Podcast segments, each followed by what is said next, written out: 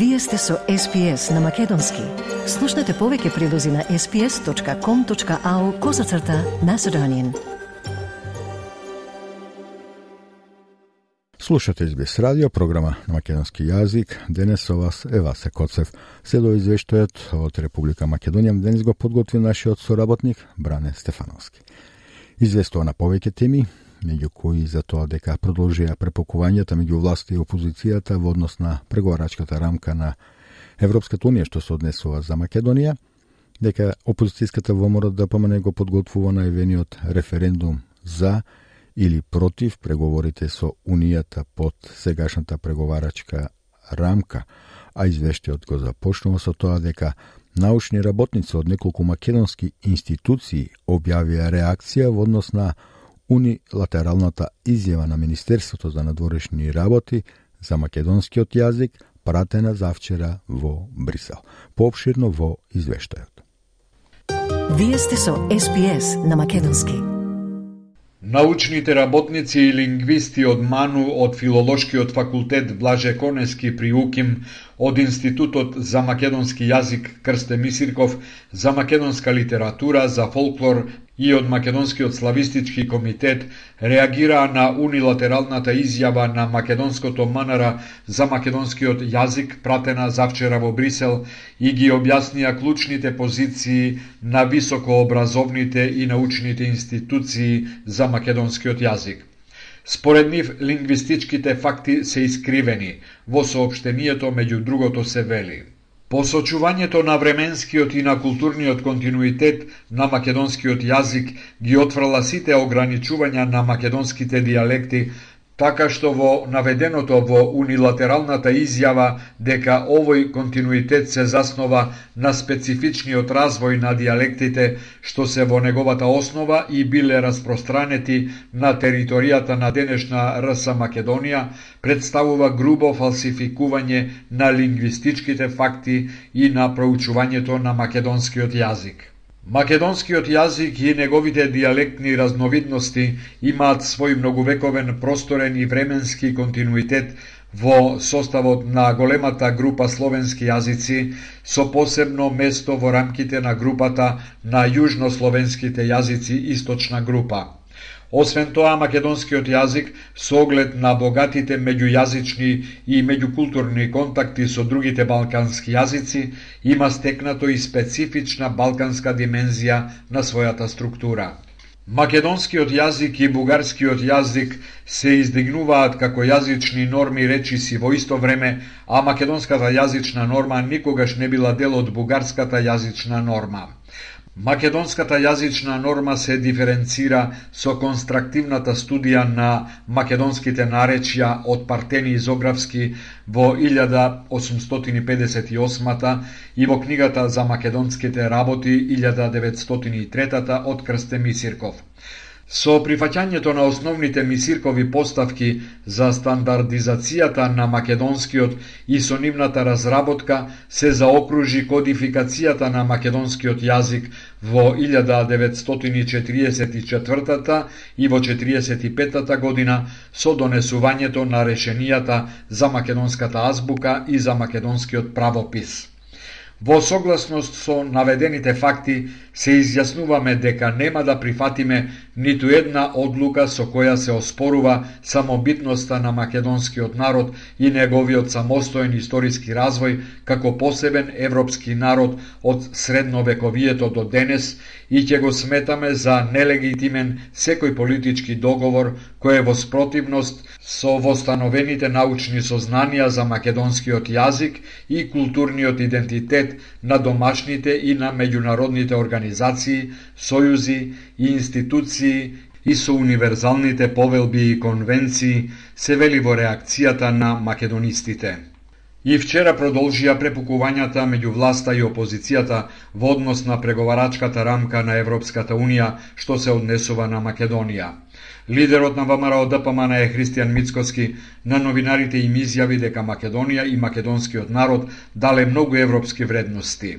Тој повтори дека пратеничката група на неговата партија нема да дозволи измена на уставот и нагласи дека во фокусот на референдумот што го подготвува партијата ќе бидат делови од преговарачката рамка за протоколот и за билатералниот договор. Имаме билатерален договор, протоколот е билатерален договор каде што има историја, култура и така натаму.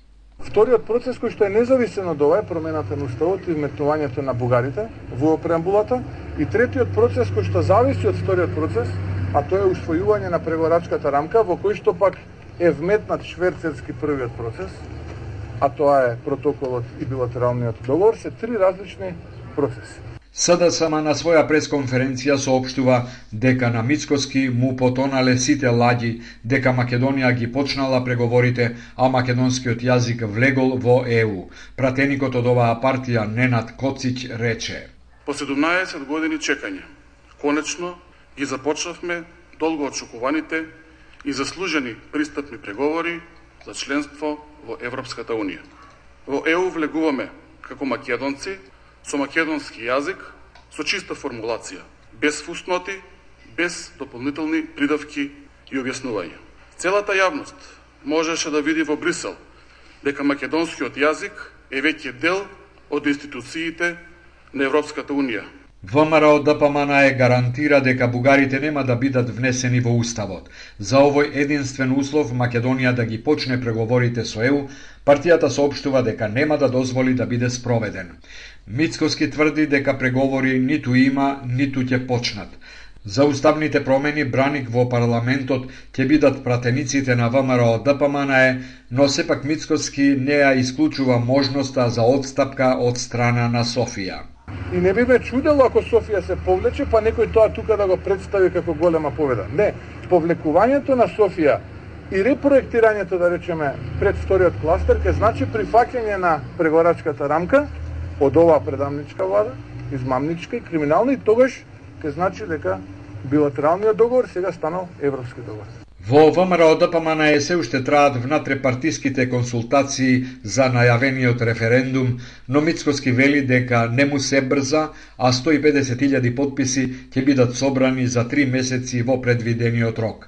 На референдумот граѓаните би се изјасниле, како што вели Мицкоски, дали ја прифаќаат преговарачката рамка со билатералниот договор со Бугарија, а не за уставните промени.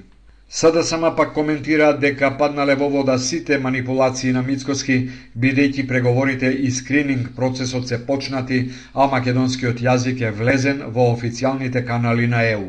Ненад Коцич рече.